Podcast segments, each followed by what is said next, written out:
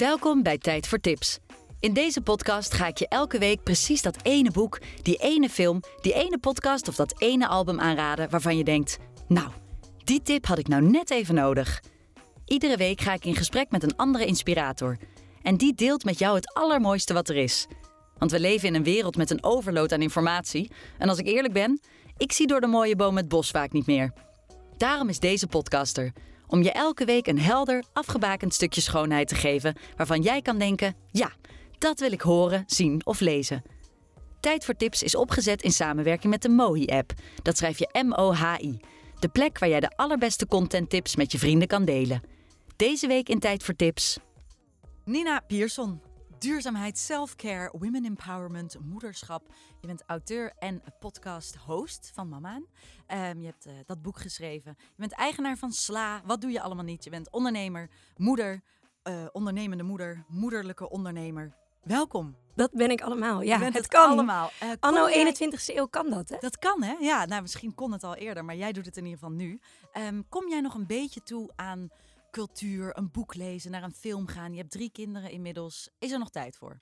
Nou, grappig dat je het vraagt. Ik was gisteren, waren we op uh, etentje met het Sla-team. En toen uh, raakten we in gesprek. En toen vertelde ik, uh, oh ja, ik heb dat in dat boek gelezen. Oh ja, dat in dat boek gelezen. Toen vroeg ze mij, hè, maar waar haal jij de tijd vandaan? En toen vertelde ik hun mijn gouden tip. En dat is gewoon mijn telefoon beneden laten als ik ga slapen.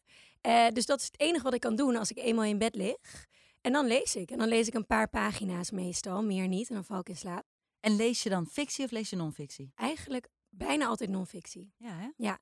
Ja, want als ik kijk naar de tips die je had gegeven, je, had, je bent ook de meest enthousiaste uh, uh, curator uh, die we tot nu toe hebben gehad. Je stuurde er meteen vijf. en alle dingen die mij opvielen in ieder geval van de tips die jij had, zijn um, onderwerpen die vrij dicht um, bij jouw leven liggen. Dus of het gaat over eten, of het gaat over moederschap, of het gaat over relaties, ja. de verhouding tussen man en vrouwen. Zijn er dingen die jij tot je neemt, cultureel gezien, die totaal niet te maken hebben met jouw leven? Goeie vraag. Ik, uh, dat is, uh, ik zou het meer willen doen, maar inderdaad, ik doe het niet. En dat heeft denk ik een beetje te maken met mijn moeite uh, om niks te doen. Dat ik me dan dus snel nutteloos voel, terwijl ik weet hoe goed het voor me is. En ook, ik heb laatst wel een roman gelezen van Suzanne Smit, tipje erbij. Mm -hmm. uh, echt een heel mooi uh, boek, De Heks van Limbricht. Heel mooi. Maar dat was ook deels autobiografisch. Dus niet helemaal non-fictie. Maar, ik, maar een ja. Zuid-Koreaanse thriller, die ga jij niet zo snel opzetten? Nee, terwijl ik denk dat ik het heerlijk zou vinden als ik het eenmaal doe. Het is niet dat ik er tegen ben, maar op de een of andere manier komen toch altijd die uh, non-fictieboeken weer uh, voorbij. En, en podcasts en dat soort dingen. Ja, en documentaires, kijk je die ook? Ook heel graag. De laatste tijd wel wat minder. Ik heb net dus de derde gekregen. Uh, dus als ik dan nu kijk, dan is het vaak wel een serie. Dus daar ben ik dan wel goed in. Ja, ik kan wel en, series kijken. En die series kijk je? Met Job samen, op de bank, als de kids liggen te slapen.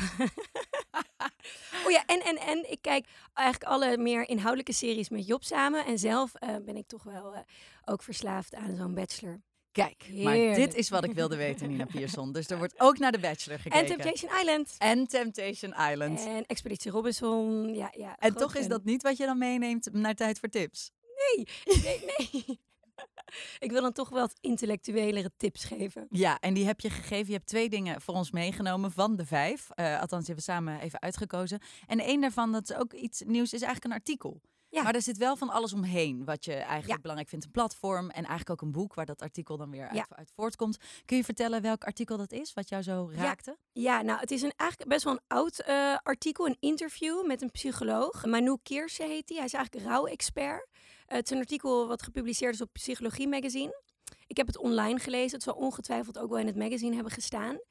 Uh, en wat ik daar zo mooi aan vond, is zijn visie. Dus je hebt soms toch met dingen die je leest of ziet, dat het je leven een soort van beïnvloedt. Mhm. Mm -hmm. En wat hij schreef, en wat mij altijd is bijgebleven, is dat eigenlijk uh, angst voor de dood. Dit artikel gaat over de dood en over rouw en hoe we daar tegenaan kunnen kijken.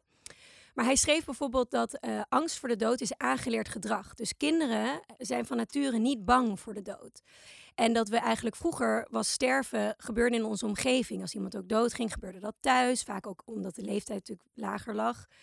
Uh, maar nu is dat allemaal, ja, we worden steeds ouder. Met thuis bedoel je, het was dus veel meer uh, uh, onderdeel van het, van het gezinsleven, van de familie, van de straat, van de buurt. Ja, je kwam ook een groot kruis op je huis en dan wist iedereen, oké, okay, daar is iemand overleden. En daar kunnen we dan even langs gaan. Precies. Mhm. En nu gebeurt dat natuurlijk veelal in verzorgingstehuizen. Eigenlijk net zoals met de geboorte is ook van de community naar, van de gemeenschap naar het ziekenhuis verplaatst.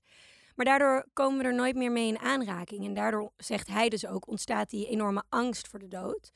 Uh, maar goed, in, dus over kinderen zeiden ja, die zijn niet bang voor de dood. En mijn vader is overleden toen ik 21 was sinds dat artikel ben ik veel meer met mijn kinderen ook gaan praten over de dood. En over mijn vader. Gaan we samen ook naar het graf. Praten we best wel tastbaar erover. Mhm. Van, oh ja, hij ligt hieronder. Oh, dat is best gek. Bodie, mijn middelste, vroeg dan, oh, niet dan met zijn hoofd ook. Of zo, weet je. Maar ik vind het eigenlijk heel mooi om daar dus met hun zo over te praten. En dat artikel heeft me wel dat inzicht gegeven. Dat dat... Heb je dat zelf gemist, denk je? Nee, nee, grappig genoeg. Mijn vader eh, heeft met mij heel veel over zijn dood en sterven gepraat. Maar ik was toen wel wat ouder. Ik was toen al 21. Ja. Eh, Dus richting het einde van zijn dood begon hij daarover te praten. En wat was de eerste keer dat jij zelf in aanraking bent gekomen met het sterven van iemand? Eh, ik denk dat dat wel een, mijn opa moet Nee, mijn overgrootoma. En mijn overgrootopa, maar toen was ik zo jong. Maar toen lag zij wel opgebaard. Eh, en dat kan ik me nog wel herinneren, in de kerk. Eh, maar daarna dus heel, van heel dichtbij mijn vader. Die is bij ons thuis gestorven. En daar inderdaad voor het eerst dan zijn dode lichaam gezien. Daar dacht ik van, oh, dat is iets engs. Eh, maar dat was helemaal niet eng. En ook het broertje van mijn man is ook overleden, jong. En daar hebben we ook hetzelfde weer meegemaakt. Dus het is best wel veel in mijn leven voorgekomen. Maar daarom vind ik dus dit artikel ook zo mooi. Want dan hij zegt ook niet tijd heelt alle wonden. Maar je moet eraan werken om dat verdriet. En het is ook niet een verwerking of zo. Het is ermee om leren Ja, hij zegt tijd heelt inderdaad niet alle wonden, want een wond moet verzorgd worden. Wil het Ja. niet uitspreiden en je helemaal ziek maken. Dus je moet vooral de wond Ja. verzorgen. Ja, wat we met een fysieke wond doen, moeten we ook met een emotionele wond Ja, doen. terwijl natuurlijk met een fysieke wond het nog steeds wel zo is. Als je hem dan verzorgt, dan gaat de tijd er wel weer voor zorgen dat hij in principe weggaat. En dat is met rouw niet zo. Nou, ik denk dat het een combinatie van factoren is. Dus mijn vader is nu nou bijna 13 jaar, geleden, 13 jaar geleden overleden. En voor mij is het wel veel minder rauw en pijnlijk dan toen het net Mm. gebeurde. Maar ik heb wel ook vaak met een psycholoog erover gesproken. Ik heb allerlei healing dingen gedaan. Eh, ik denk, ja, heel veel met vriendinnen ook daarover gesproken. Dus ik denk dat het wel een combinatie is. hoor, Ja, en hij geeft eigenlijk ook, het is een boek eh, waar hij dit artikel eh, ook op baseert uit 1995. Ehm, een boek dat eh, ehm, verdriet en verlies heet volgens mij, eh, als ik me niet vergis. En eigenlijk geeft hij vier tips, hè? vier eh, ja, pointers die je kan gebruiken om te zorgen dat dat proces van rouw eh, behapbaar wordt of dat, het, dat je daar doorheen kan. Ehm, en een daarvan is inderdaad over de overledene blijven praten. En ook Ja, heel leven erg ehm, benoemen eigenlijk wat er is gebeurd. Ja. Dat, dat, vond, dat vond ik opmerkelijk, omdat me dat ook, mijn vader is ook overleden, dat vind ik eigenlijk het, het, het moeilijkste. Mhm. En bedoel je dan, ja, hebben de- dat, want dat vond ik best een moeilijk punt om te grijpen. Bedoelde hij dan inderdaad dat je precies vertelt van oké, hij is ziek geworden. Ja, volgens mij en zo. bedoelt hij dat. Dus dat je eigenlijk niet met een soort wollige taal omvat wat er met eh, iemand is gebeurd, maar dat je heel erg concreet maakt wat dat Ja. was. En dat vind ik eigenlijk best een moeilijk punt. Ja, ik denk dat het van de situatie ook afhangt. Dus bij mij was dat punt minder pijnlijk. Hij had een heel lang ziektebed. Het was prostaatkanker. Hij wilde op een gegeven moment zelf ook dood. Eh, het was, ja, dus, dus voor mij is dat wel makkelijk om dat tastbaar Ja. te maken. Maar ik kan me voorstellen, bijvoorbeeld als het om zelfdoding gaat of om een ongeluk, om iets wat minder, ehm, ja, hoe zeg je dat, minder begrijpelijk Ja, is. of minder vloeibare, bijna manier verlopen Ja. is. eh, waar je elk stapje eigenlijk kon volgen. Als het zo abrupt is, lijkt me dat toch wel een moeilijk, moeilijk en emotioneel ding. Ik denk ook wat hij daarmee bedoelt, is dat het goed is dus bijvoorbeeld om een overledene nog te zien. Dat het dus ook onbewust meewerkt. Om als je iemand echt dood ziet, dat dat dan op onderbewust niveau ook meehelpt in het snappen. Oké, Dit is wat er is gebeurd. ja, dit is wat er Nina, is denk je dat dit artikel eh, dan alleen interessant is voor mensen die iemand verloren hebben? Of denk je, ehm, dit moet iedereen lezen?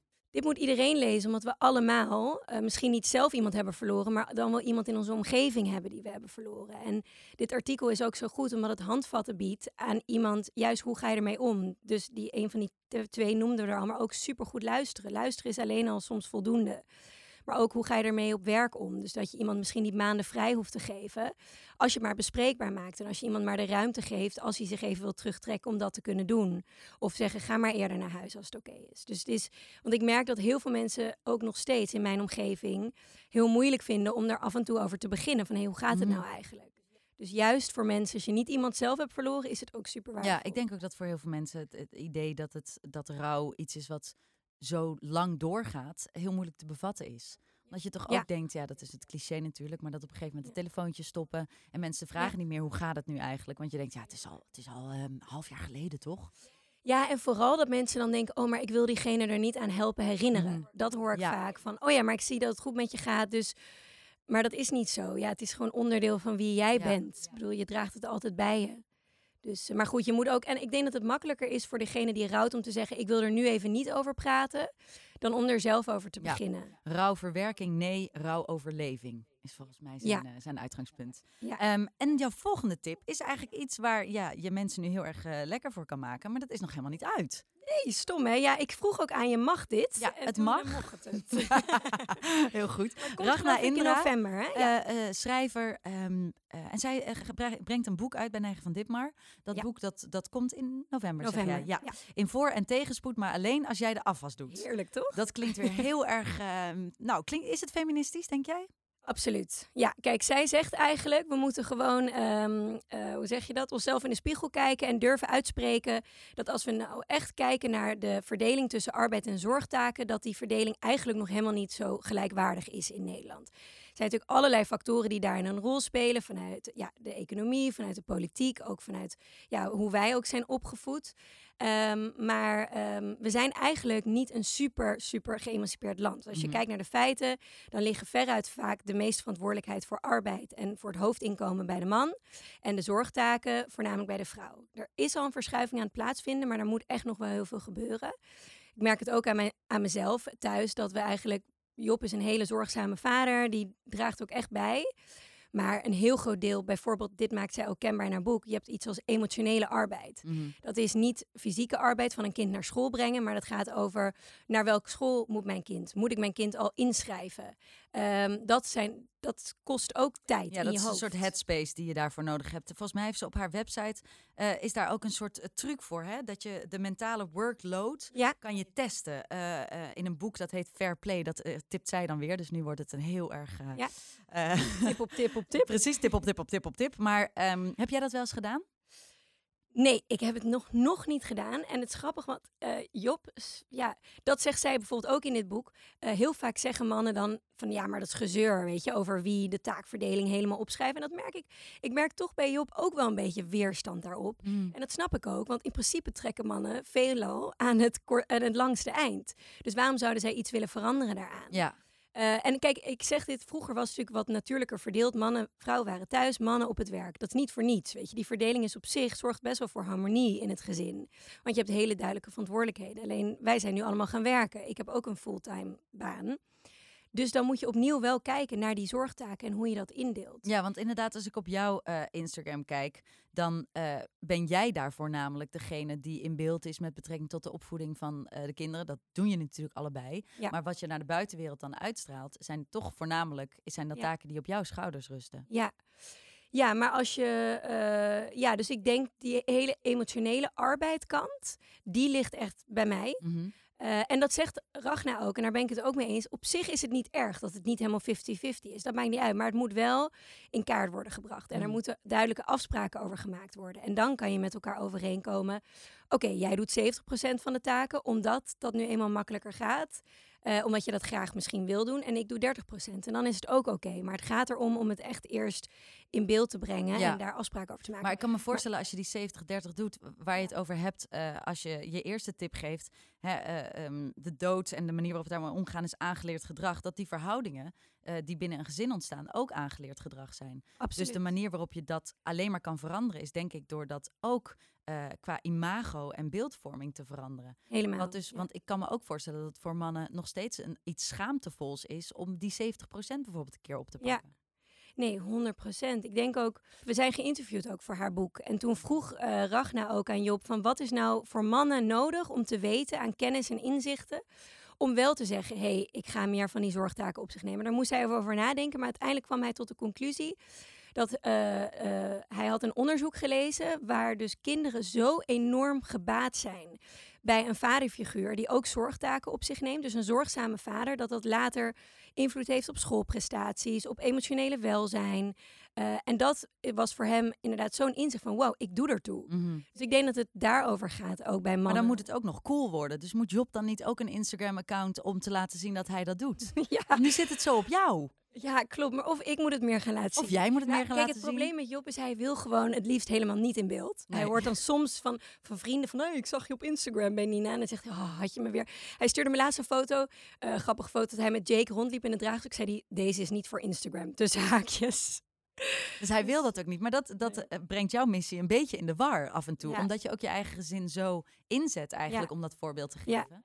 Ik ga, ik ga, goed dat je me hier aan herinnert. Ik ga mijn best doen om dat te proberen wat meer in beeld te brengen. Maar ik, Job en ik zijn ook nog niet perfect. Dus ik ben wel, weet je, we zijn er wel al, ik denk voor een heel groot deel. We, hebben, daarom, zijn niet voor niets ook geïnterviewd door Ragna. Maar ja, ik, eh, Het is een work in progress. Het is een En work in dit progress. boek, waarom denk je dat het belangrijk is voor zowel mannen als vrouwen om dit te lezen? Gaat het hun relatie veranderen? ja, ik denk het wel. Want het zorgt gewoon, ja, hoe zeg je dat? Eh, het kan gewoon voor heel veel spanning zorgen. En kleine fitjes de hele dag door of ergernissen aan elkaar. En ik denk door het in kaart te brengen en door, ja, ook ze, ze interviewt ook heel veel wetenschappers en onderzoek wat er is gedaan daarover. Eh, dus ik denk dat dat wel ja, relaties ook heel erg gaat helpen. Maar ook vrouwen. Want ik denk, eh, als we die zorgtaken wat beter kunnen verdelen, dat het ook makkelijker is voor vrouwen om te zeggen, ik ga meer werken. Ja, dat we die, die deeltijdprinsesjes waar Sanne Schimmelpenninck altijd zo hoog over opgeeft, eh, Ja. misschien op een andere manier kunnen. Ja, dat is Ja, een, Nederland is een ander gesprek. Ja, precies, dat is ook jammer genoeg. Jammer genoeg. eh, Maar dat ze, ja, dat, kijk, aan de andere kant denk ik, ja, het schijnt wel deeltijd werken. Maar als mannen dat nou ook gaan doen, weet Mhm. je, dan zijn we weer gelijk. Ik vind niet dat we allemaal weer vijf dagen in de week hoeven te werken. Ik ben best wel voor vier dagen. Maar dan moeten we inderdaad, moet het echt een vrije keuze zijn. En mannen ook eh, vier dagen gaan werken. ja, en hoeveel mensen worden er geïnterviewd eigenlijk voor dit boek? Goeie vraag. Dat durf ik niet te zeggen, maar echt best wel een heel aantal. Ik geloof wel En dat altijd stellen? ste- Nee, ja, een stuk of vijf stellen denk ik, vijf, zes stellen. Maar ook wel veel experts en eh, onderzoekers, wetenschappers. Een Dus aanrader een dus. pareltje. Ja, en één, inderdaad, één laatste tip. eh, een oefening eh, is dus inderdaad dat je alles opschrijft in een Excel-bestandje. Allemaal onder, onder elkaar. Alle, alles van de tuinman vragen tot en met de afwas doen, was doen. En dat je dan één kolom maakt met jouw naam, één kolom met je partner en dan één kolom extern van wat Mhm. je echt niet wil doen. En dan gewoon gaan aankruisen. Ja. Dan heb je het wel inzichtelijk. Moet ik ook nog doen. Allemaal dingen om te doen. Nina Pierson met twee tips. Dank je wel. Eh Ja, was eh, heerlijk dat je er was. Vond ik ook. Dankjewel. Voor nog meer tips luister je volgende week weer naar Tijd voor Tips. Of check je de mooie app, met daarop nog meer inspiratie. En mocht je nou zelf een waanzinnige aanrader hebben, laat me dat dan weten door een mailtje te sturen naar tijdvoortips.moi.app.